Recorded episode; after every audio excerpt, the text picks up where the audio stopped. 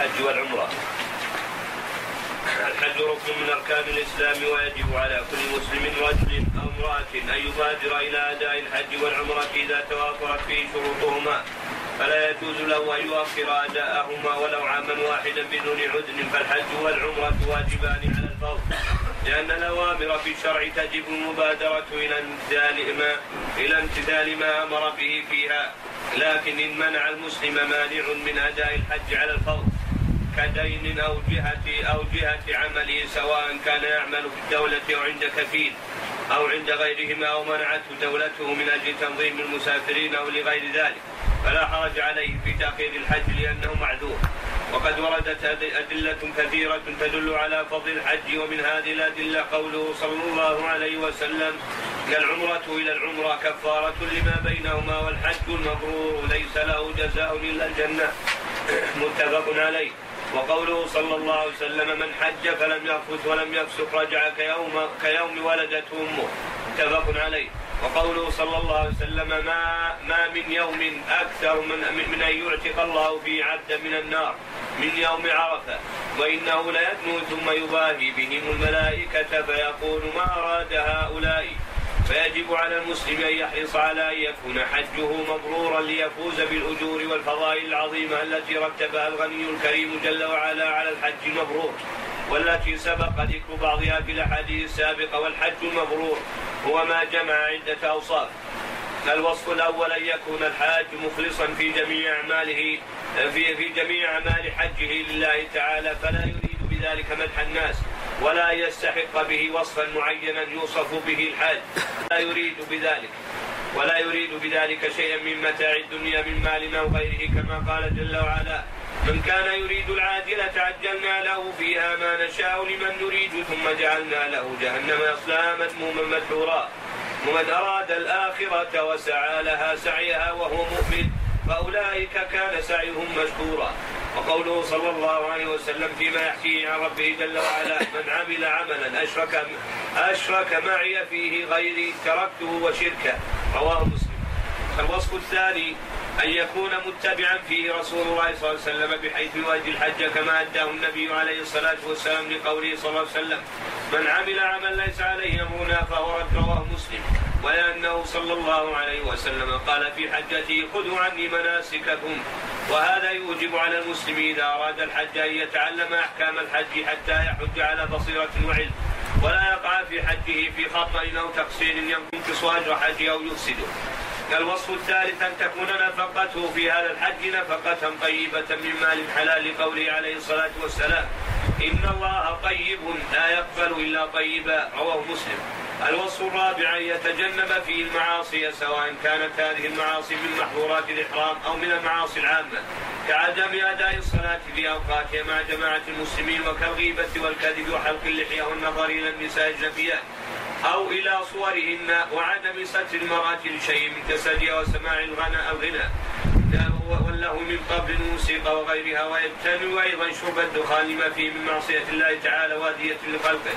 ممن لا يدخنون وجلب للضرر عليهم فإن هذه الأمور وغيرها من من المعاصي مما نهى الله عنه في الحج بقوله تعالى فمن فرض فيهن الحج فلا رفث ولا فسوق ولا جدال في الحج وهي أيضا مما ذكر المؤلف رحمه الله تعالى مقدمة في الحج.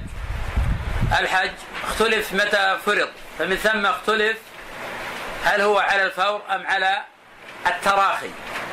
ومناط الخلاف ترتب عليه هذا الأمر. فمنهم من قال بأنه فرض سنة السنة السادسة ومن قال هذا القول بأن الحج قال على التراخي. لأن وسلم ما حج إلا في السنة العاشرة.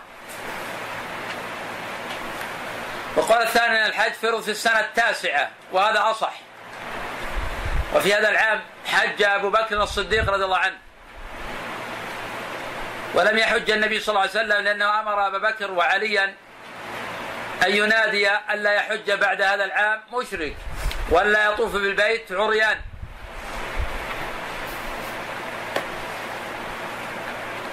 وحج النبي صلى الله عليه وسلم في السنة العاشرة.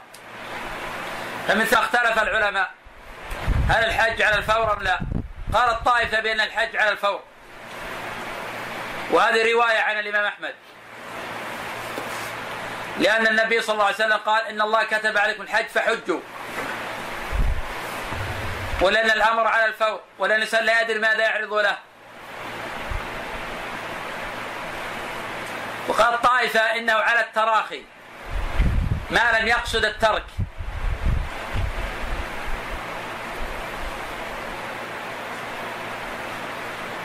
وأحيانا يكون في تشابه بين القولين. بمعنى أن الرجل وان قلنا على الفور لكن إذا لم يجد رفقة صالحة يذهب معهم. فنقول في هذه الحالة لا يجب على الفور بالإمكان التأخير. أو منعه مانع أهم وأوكد. فيكون حينئذ على التراخي بالنسبة له. الأحاديث في الحج متواترة. قد أورد المؤلف عدة أحاديث صحيحة.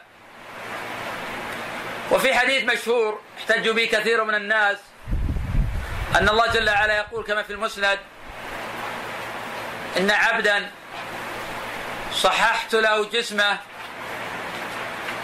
تمضي عليه خمسة أعوام لا يفد إلي لمحروم وهذا الخبر فيه اضطراب. قد ضعفه الإمام أبو حاتم والدار قطني وجماعة من الحفاظ لأنه مضطرب ولا يصح.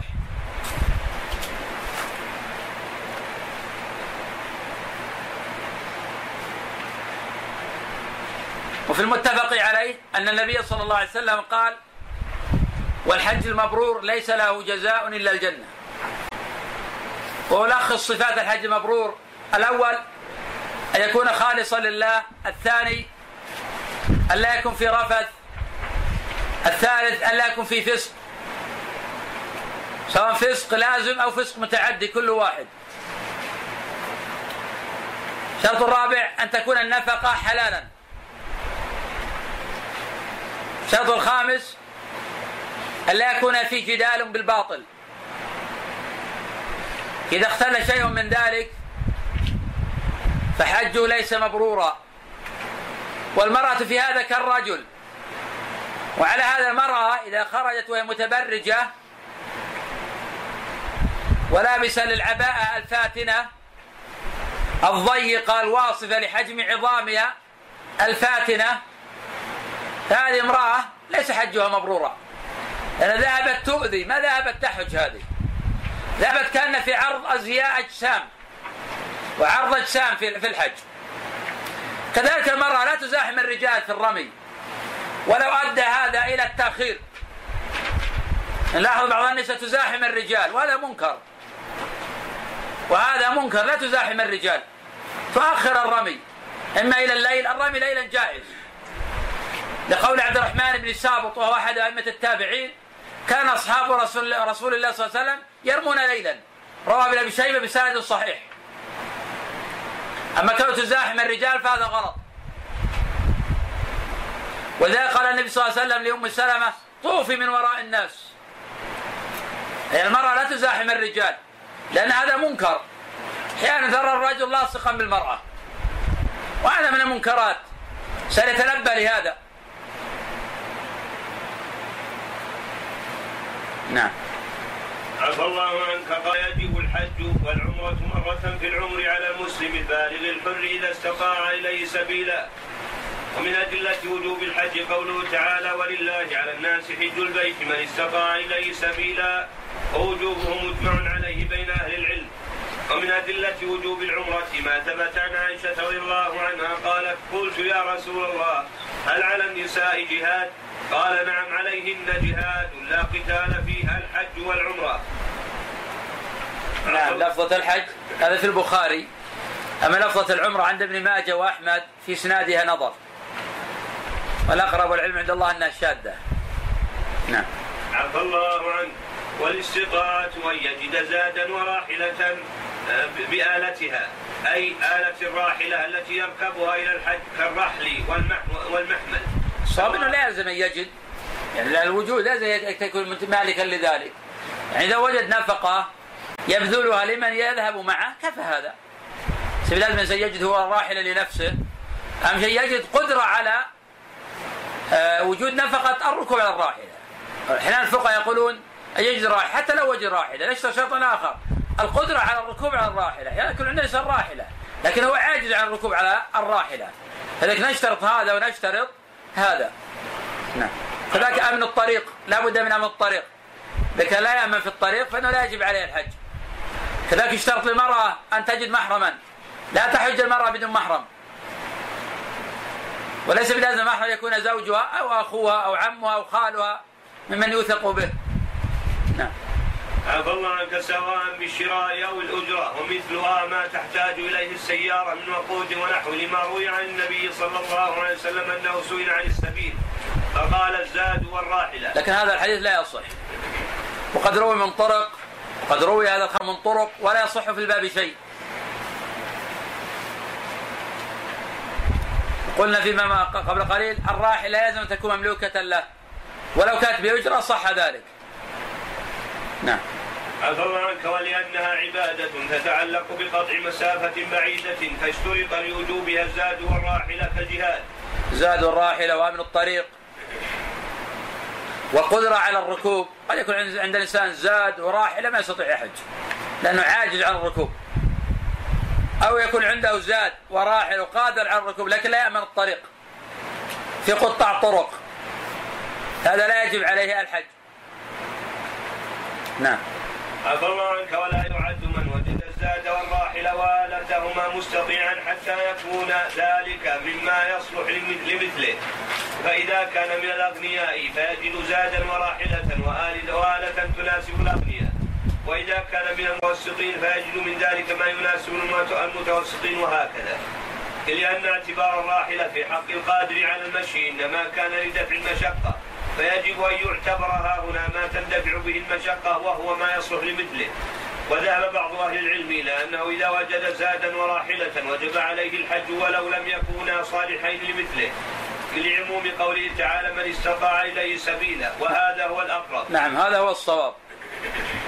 أنا أشترط للرجل الذي يليق بمثله من الأثرياء إذا لم يجد سيارة بمليون ريال لا يحج على السيارة بسبعين ألف ريال هذا غير صحيح. يجب عليه ما دام قادرا على الحج يجب عليه يحج. سواء على داتسون أو على هيلوكس أو على غير ذلك. لازم يركب سيارة مليون ريال. ما دام في سيارة تنقله إلى البيت الحرام يجب عليه يركبها. لأن الله جل وعلا قال لمن استطاع إليه سبيلا وهذا مستطيع إلى الوصول إلى البيت. يجب عليه الذهاب والركوب. ولا عذر له اذا تخلف عن ذلك بحجة أنه لم يجد سيارة تليق بمثله. ومن هو مثلك الذي يقول يليق به؟ النبي صلى الله عليه وسلم ركب الحمار. النبي صلى الله عليه ركب الدابة. وهذه حديث متواترة عن النبي صلى الله عليه وسلم. أحيانا الإنسان يمنع الكبر من أداء العبادات. ولذلك الإسلام ألغى الفروق. فتجد الملك والمسؤول يقف عند عبده بالصلاه ما في ما في تقدم. يعني إذا تقدم صار عاصيا لله. لا يتقدم خطوة صار عاصيا لله. تقف يقف معك بجوارك. لأنكم عند الله سوا. لما تتميزون في الدنيا أيضا التميز في الدنيا ابتلاء وامتحان. وليس محبوبا لله الابتلاء امتحان أن الله بلك بهذا وهذا ابتلاه بهذا. أنت بلك بمنصب كما أنا ابتلاه بغير المنصب. أنت ابتلاك الله بالنسب أيضا. حيث يكون مثلا من قريش أو يكون من آل البيت. هذا ابتلاء وهذا يكون عبد آه من الموالي. هذا ابتلاء. ليس معنى أنك أفضل منه وليس المعنى أنه أقل من قدره. لكن الله ابتلاه بهذا ليصبر وأنت هذا من تمام الابتلاء. كما ابتلى الله جل وعلا العباد بأشياء كثيرة. هذا ابتلاه بالغنى وهذا ابتلاه بالفقر. فالفقر ابتلاء أيضا وهذا الغنى ابتلاء كما قال الله جل ليبلوكم أيكم أحسن عملا. أما عند الله فالناس سواسية. يعني يوم القيامة يعني لو بطى بك عملك لم يرتفع بك ما مالك ولا نسبك ولا جاهك ولا شيء من ذاك. كما قال صلى الله عليه وسلم بطل به عمله لم يسرع به نسب ولذلك يقف هذا الملك ويقف هذا العبد بجواره. ليس له أن يتقدم. يقفون لله لأنهم عند الله سواء. ما دام عند الله سواء يقفون سواء في آه، مقابلة الله جل وعلا. عفى الله عنك ومن, الاستطاعة في هذا العصر في حق من كان داخل هذه البلاد أن يجد أجرة حملة الحج. ومن الاستطاعة في حق من كان خارج هذه البلاد أن يجد أجرة المطوف فمن لم يجدها لم يجب مطوف لا أصل له هذا مطوف. هذا مطوف لا أصل له. أكثر مطوفين لصوص. يأكلون أموال الناس بالباطل. ويدعون بالأدعية الجماعية المبتدعة. ولا أصل له للمطوفين هؤلاء. إنما نعمل حملات أصبحت الآن ضرورة يلزمون بها. أما يذهب مع مطوف لا أصل له. يعلم يطوف بالبيت اللي معه يذهب مع طلبة علم أو مع ناس يستفتيهم ويعرف كيف يطوف بالبيت وتعلم قبل أن يحج أصلا قبل أن يعتمر أما الشخص يدعون جماعية يدعون جماعيا هؤلاء هؤلاء يؤذون. وأحيانا يلحنون لحنا عظيم يغيرون المعنى. حتى يقول الله يقول الله باعد بيننا. فما يدري المباعدة هو أصلا ما يدري عن شيء. وأحيانا يأتي بألفاظ وتغيير للمعنى. لأنه جاهل تجارة أصبحت. وأحيانا يدعو ألفاظ مبتدعة وتوسلات مبتدعة. وأحيانا يقول نتوسلك بجاه محمد. وهذا من الألفاظ المبتدعة التي لا تجوز مبتدعة التي لا تجوز. فهؤلاء يؤذون الناس ما, ما, ما يصلحون هؤلاء يفسدون. لذلك الإنسان يذهب يسأل طلبة العلم ويسكت ويقرأ إن شاء قرأ قرآن في الطواف إن شاء دعا إن شاء سكت. كله جائز هذا. إذا سبح وهلل كله جائز. المقصود تطوف بالبيت سبعة أشواط. ينكر عليهم نعم نعم ينكر عليهم هؤلاء. هذا قدر عليك ينكر عليهم هؤلاء. كيف يجعلوا شرطا لصحة الحج هذا غلط كبير هذا. يعني المطوف اللي هم الحملات. هذا العرف معروف عندهم. يعني راحت قضية المطوف اللي المبتدع ذا إيه يحصل المطوف اللي هو الحملات. هو ذكر الحملة. لا هذه حملات داخل. والمطوف للخارجين يسمونه. اللي داخل حملة واللي من الخارج مطوف. نعم هذا جيد. تابع مطوف. كل نعم. حملة اسمه هذا جيد. المطوف هذا المبتدع ذا اللص. هذا يجب محاربته هذا. لا هو ذكر هذا يا شيخ. لا لا اللي استجاب منه خيام واستجاب منه لكن هؤلاء لا موجودين. آخر مرة بس شيء فردي. أما اللي يشترطون إنه ما يحج من الخارج إلا مع مطوف. هذه هي الحملة. جيد. أهم شيء المطوف هذا يبتعد عنه المبتدع ذا اللص اللي يأكل الناس بالباطل. وعلى آله وصحبه أجمعين. قال رحمه الله تعالى وشيخنا ولا يعد من وجد الزاد والراحلة وآلتها مستطيعا حتى يكون ذلك فاضلا أي زائدا عما يحتاج إليه لقضاء دينه فما دامت ذمته مشغولة بدين حال. ليس عنده سداد له أو بدين مؤجل لكنه إذا حج لم يستطع سداده في وقته. فلا يجب عليه الحج حتى لو أذن له الدائن لأن وجوب قضاء الدين متقدم على وجوب الحج ولأن حقوق الادميين مبنية على المشاحة. وحقوق الله تعالى مبنية على المسامحة. فتقد فتقدم حقوق الادميين نعم لكن المؤلف يقول لا يجب ولم يقل لم يجوز فلو حج جاز. ولأن الحج مجلى بالرزق. بدليل قوله صلى الله عليه وسلم تابعوا بين الحج والعمرة فإنما ينفيان الفقر والذنوب. كما ينفي الكير خبث الذهب والحديد والفضة.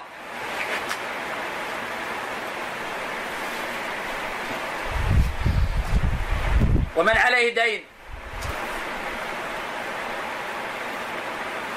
حال. ويريد الحج.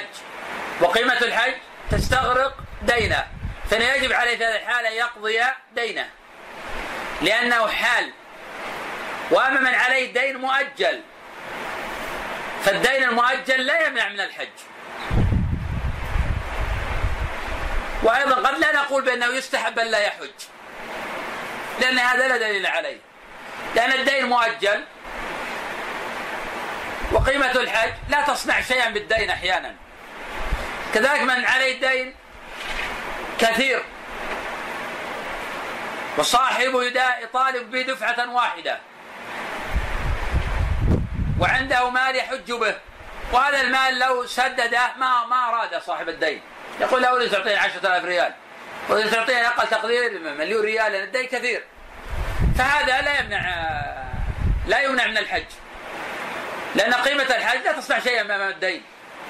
فبالتالي يذهب يترزق الله جل وعلا. لعل الله جل وعلا يكون يغنيه بسبب حجه. فعلى هذا ليس على إطلاق القول بين من على يديه لا يحج. إنما هو على هذا التفصيل. لأن بقاء العبد أحيانا لا لا يقدم شيئا. حين يبقى لا يقدم له شيئا. أما القول بأن الحج مظنة للوفاء هذا صحيح.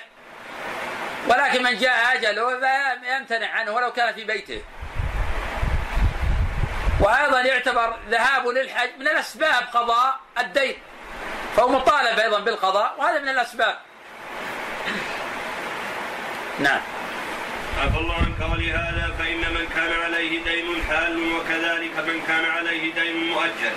لكنه إذا حج لم يستطع سداد هذا الدين في وقته يحرم عليه أن يحج إلا أن يأذن له دائنه. تقدم التفصيل. أنه لا يشترط هذا ولا يلزم. على التفصيل.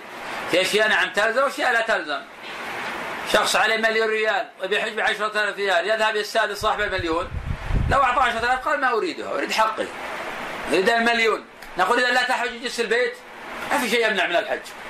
يحج ويكون سببا للرزق. لكن لو عليه عشرة آلاف ريال وعنده يريد من يحج بقيمة عشرة آلاف ريال صحيح. نقول سدد ولا تحج. إلا إذا أذن لك كان صاحب الدين وقضاء الدين في الحج مقدم على الحج. لأن المال الذي تريد الحج به يقضي دينك. نعم. عفى الله عنك نعم. وعليه فمن نعم. هل يلزم انه يو- يعني يقول صف الدين أي مسألة. الصورة الأخيرة؟ نعم إذا أبرأ ما يلزم يبرئ قد لا يبرئ. الإبراء ما هو الإبراء؟ الإبراء إسقاط الحق. نعم. قد لا يكون إسقاط حقه. لما قال نعم مهلك يعني أنسي الوقت. نعم. عفى الله عنك وعليه فمن كان عليه دين حال للدولة ولم يسدده كدين بنك التسليف أو صندوق العقار وهذا الدين حال. أو لم يحل لكنه إن حج لم يستطع سداده فإنه لا يجوز أن يحج حتى يسدد هذا الدين. ولا يعد من وجد الزاد والراحلة وآلتها أيضا مستطيعا حتى يكون ذلك فاضلا عن مؤونة نفسه وعياله على الدوام بأن يكون عنده عقار يؤجره أو صنعة يعمل فيها أو وظ- أو وظيفة لها راتب مستمر.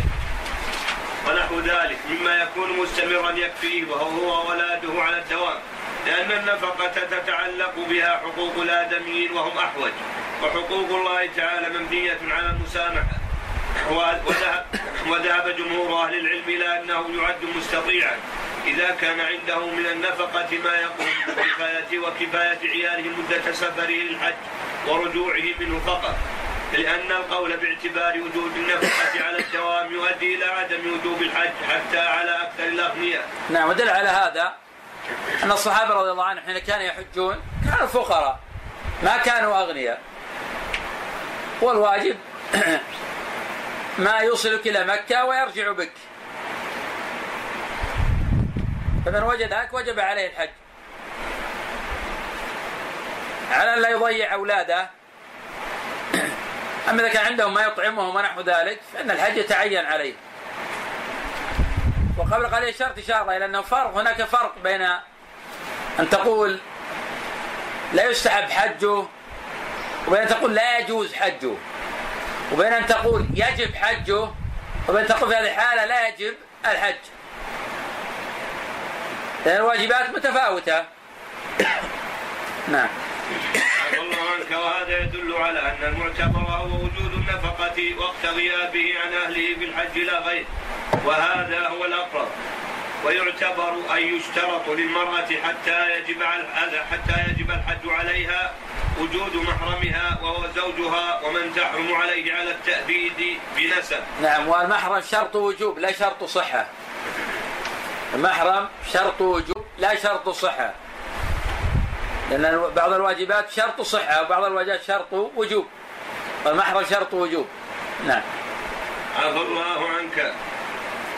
كابن المرأة وأبيها وإخوتها ونحوهم أو سبب مباح كرضاع أو مصاهرة. هذا في خلاف. هل تسافر المرأة مع أخيها من الرضاع؟ شيخ الإسلام لا يرى هذا. يقول لأن دواعي الشهوة موجودة. وما دام دواعي الشهوة موجودة فإن المرأة لا تسافر مع أخيها من الرضاع. وبعض العلماء يرى الجواز لعموم قول صلى الله عليه وسلم يحرم من الرضاعة ما يحرم من النسب. ابن تيمية ما ما يعار أصلا في هذا هو يقرر هذا الأصل.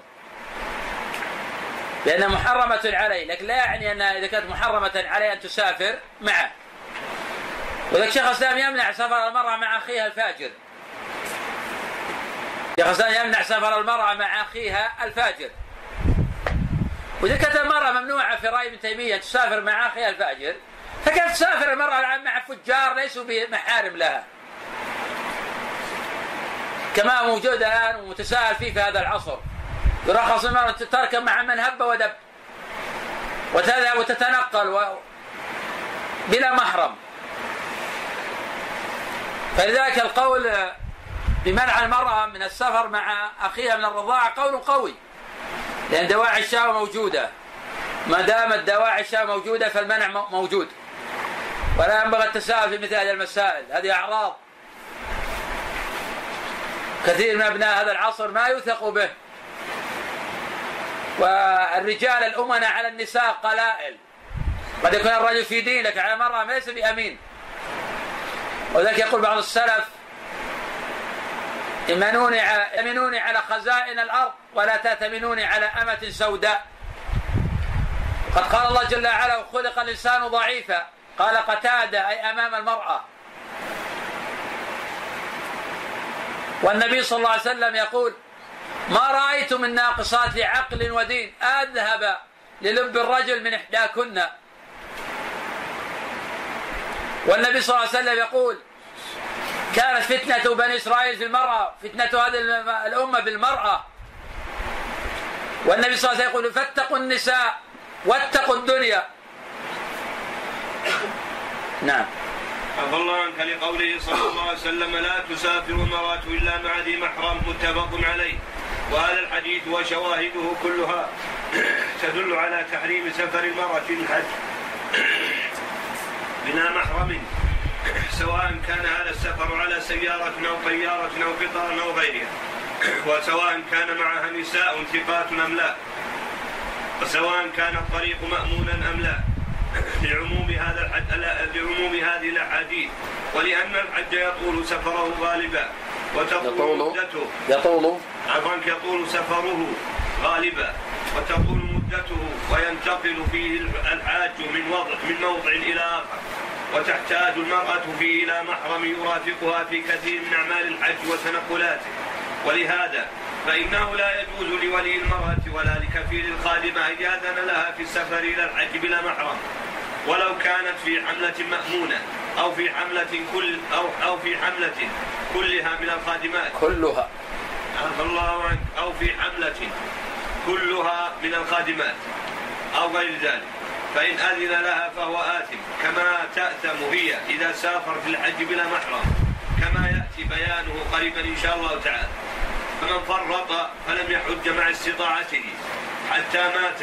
أخرج عنه أخرج عنه من ماله حجة وعمرة فيخرج من ماله قبل قسمته على الورثة أجرة. أجرة من يحج من يحج عنه ويعتمد.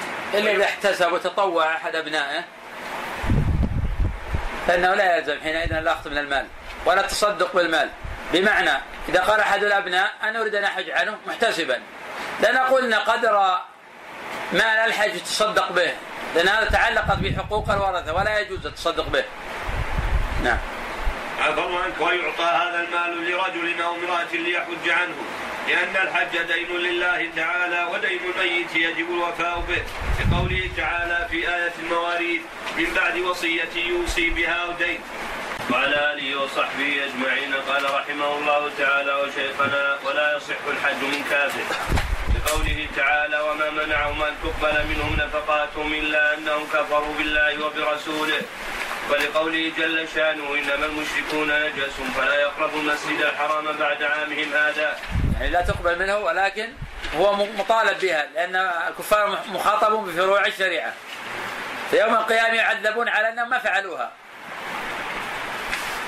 ولو فعلوها ما قبلت منهم لأن لا تقبل إلا بوجود الأصل.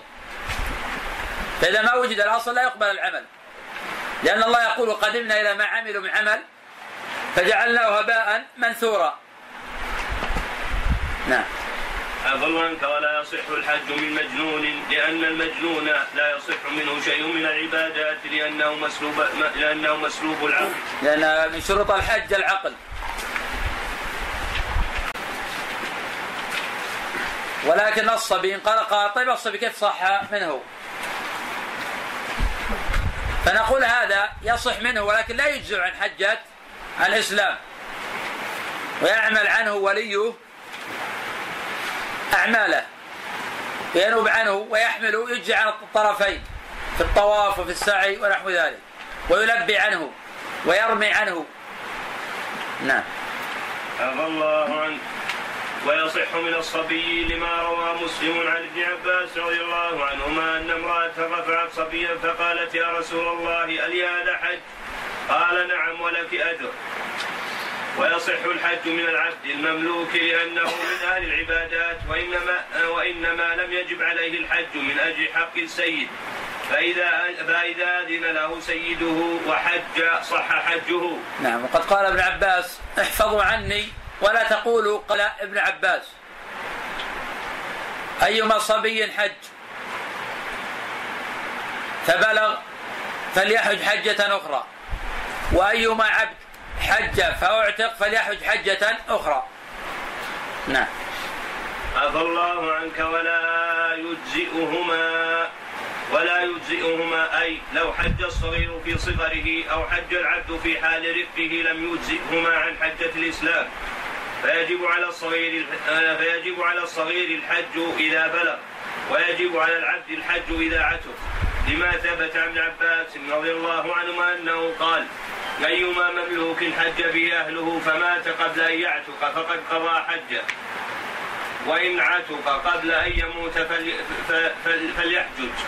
وأيما غلام حج بأهله فمات قبل أن يدرك. فقد قضى فقد قضى عنه حجه. وإن بلغ فليحجج. وهذا أجمع عليه عامة أهل العلم. ثم قول أجمع عليه فهذا في نظر فمسألة خلافية. والصواب يقال وهذا قول أكثر أهل العلم. قد ذهب طائفة من العلماء إلى أن حج العبد صحيح.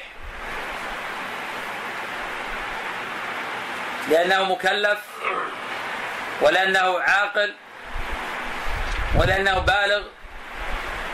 كما هناك شيء يحول بينه وبين صحة حجة. قد نصر أبو محمد بن حزم في محلاه هذا القول. نعم. عفى الله عنك. ويصح الحج من غير المستطيع. كالفقير إذا حج فهو لا يحج فهو لا يجب عليه رفقا به. فإذا كلف نفسه وحج صح حجه. ولذلك فلو كلف فلو كلف الفقير نفسه فحج في وقتنا هذا مع غير حملة إذا كان من أهل هذه البلاد أو حج بدون مقوم إذا كان من خارج البلاد فحجه صحيح ولا حرج عليه في ذلك. ويصح الحج من المرأة إذا حجت بغير محرم لأن الحج واجب عليها لكن لم يجب عليها السفر للحج لعدم وجود المحرم. فإذا حجت بلا محرم صح حجها. ولكن تأثم أن تحج المرأة بلا محرم. لكن يصح الحج. تقدم بالأمس التفصيل في هذه المسألة وبين الفرق بين شرط الصحة وشرط الوجوب. نعم. عفى الله عنك. فإذا حجت بلا محرم صح حجها وهي آثمة لمعصية لمعصيتها الله لمعصيتها لله تعالى بالسفر دون محرم. ومن حج عن غيره ولم يكن حج عن نفسه أو عن نذره وقع حجه عن فرض نفسه دون غيره. أي أن من أحرم بحج عن غيره ولم يكن حج ولم يكن حج حجة الإسلام بعد. أو كان قد نذر أن يحج نفلا ولم يف بنذره بعد فإن هذا الحج الذي شرع فيه ينقلب إلى أن يكون الحج له. إما حجة الإسلام أو الحجة التي نذرها. لما روي عن النبي صلى الله عليه وسلم أنه سمع رجلا يقول لبيك عن شبرمة فقال هل حججت عن نفسك؟ قال لا قال حج عن نفسك ثم حج عن شبرمة نعم هذا الصواب وقف على ابن عباس. والمرفوع معلول. نعم. عفى الله عنه. قال رحمه الله باب المواقيت وميقات أهل المدينة ذي الحليفة ويسمى الآن بير علي وهو قريب من المدينة النبوية وقد وصل إليه عمرانها في هذا الوقت. وميقات أهل الشام والمغرب ومصر الجحفة ويحرم الناس لا من رابط وهي بلدة قريبة من الجحفة ويبعد عن مكة 200 كيلو. وميقات أهل اليمن يلملم ويسمى الآن السعدية ويبعد عن مكة 80 كيلو. ولنجد قرن أي الثعالب ويسمى الآن السيل الكبير. ويبعد عن مكة 80 كيلو.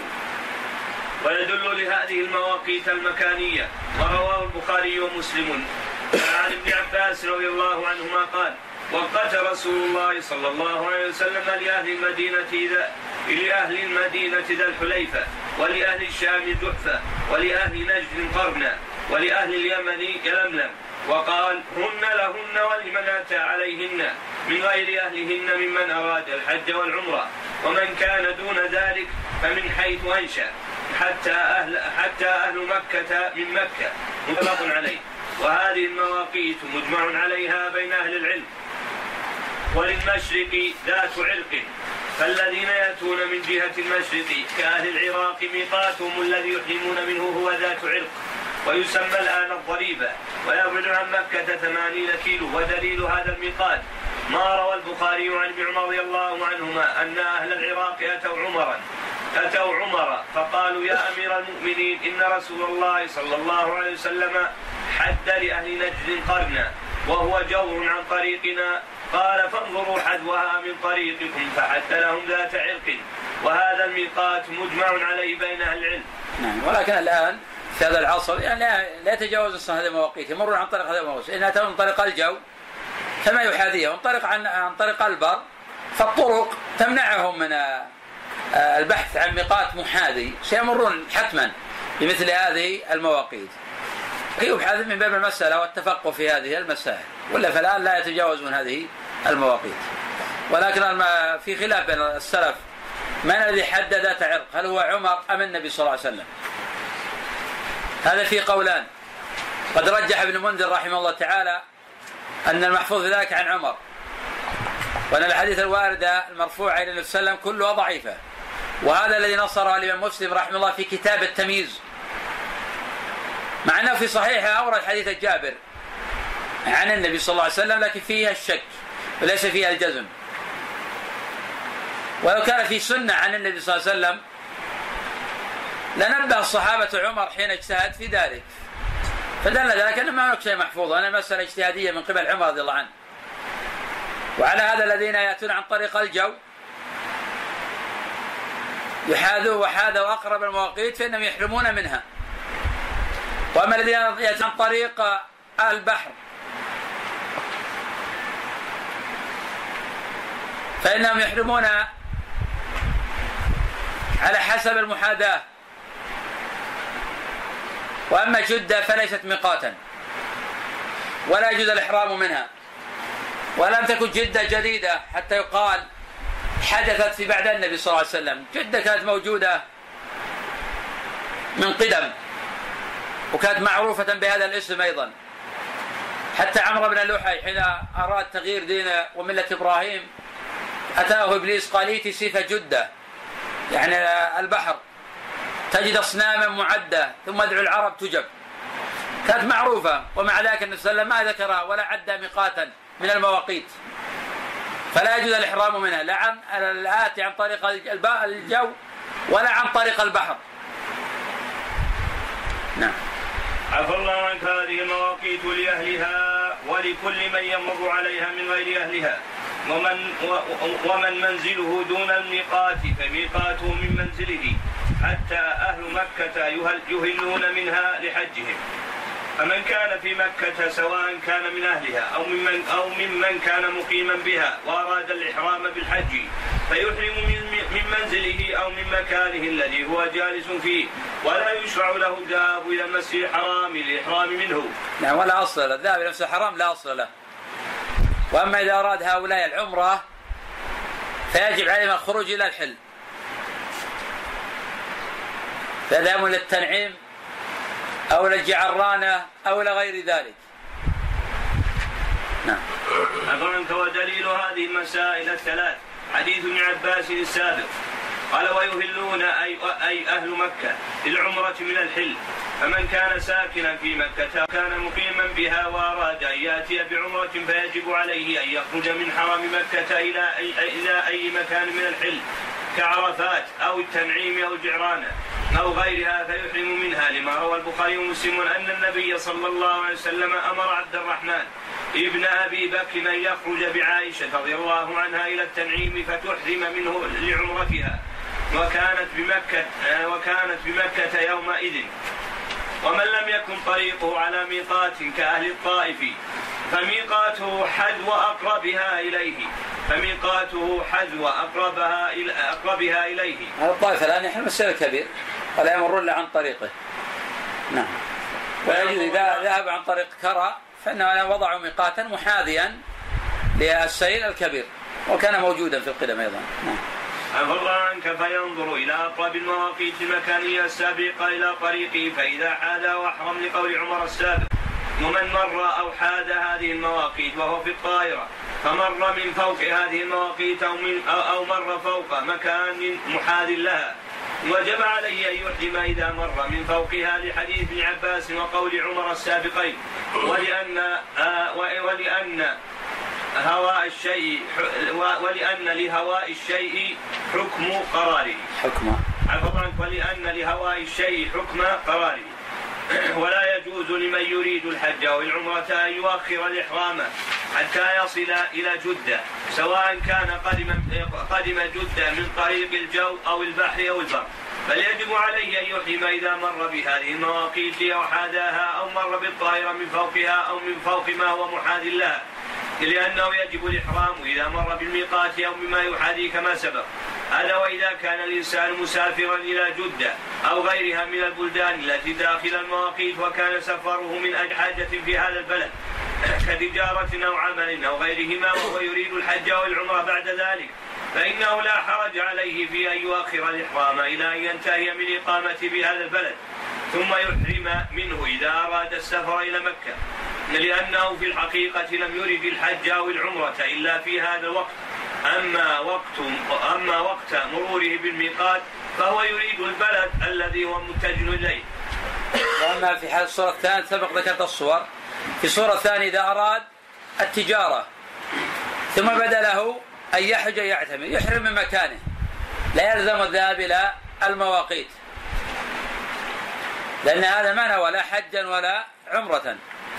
إنما نوى تجارة أو زيارة قريب أو صلة رحم أو غير ذلك. فإذا بدا له فيما بعد أن يحج أو أن يعتمر يحرم من مكانه. نعم. عفى الله عنك. وإن كان غلبة الظن الشيخ أنها في نفسه قبل الخروج غلبة الظن عنده أنها قد يعتمر. هنا نرجح الباعث على السفر. ننظر ما هو الباعث على السفر.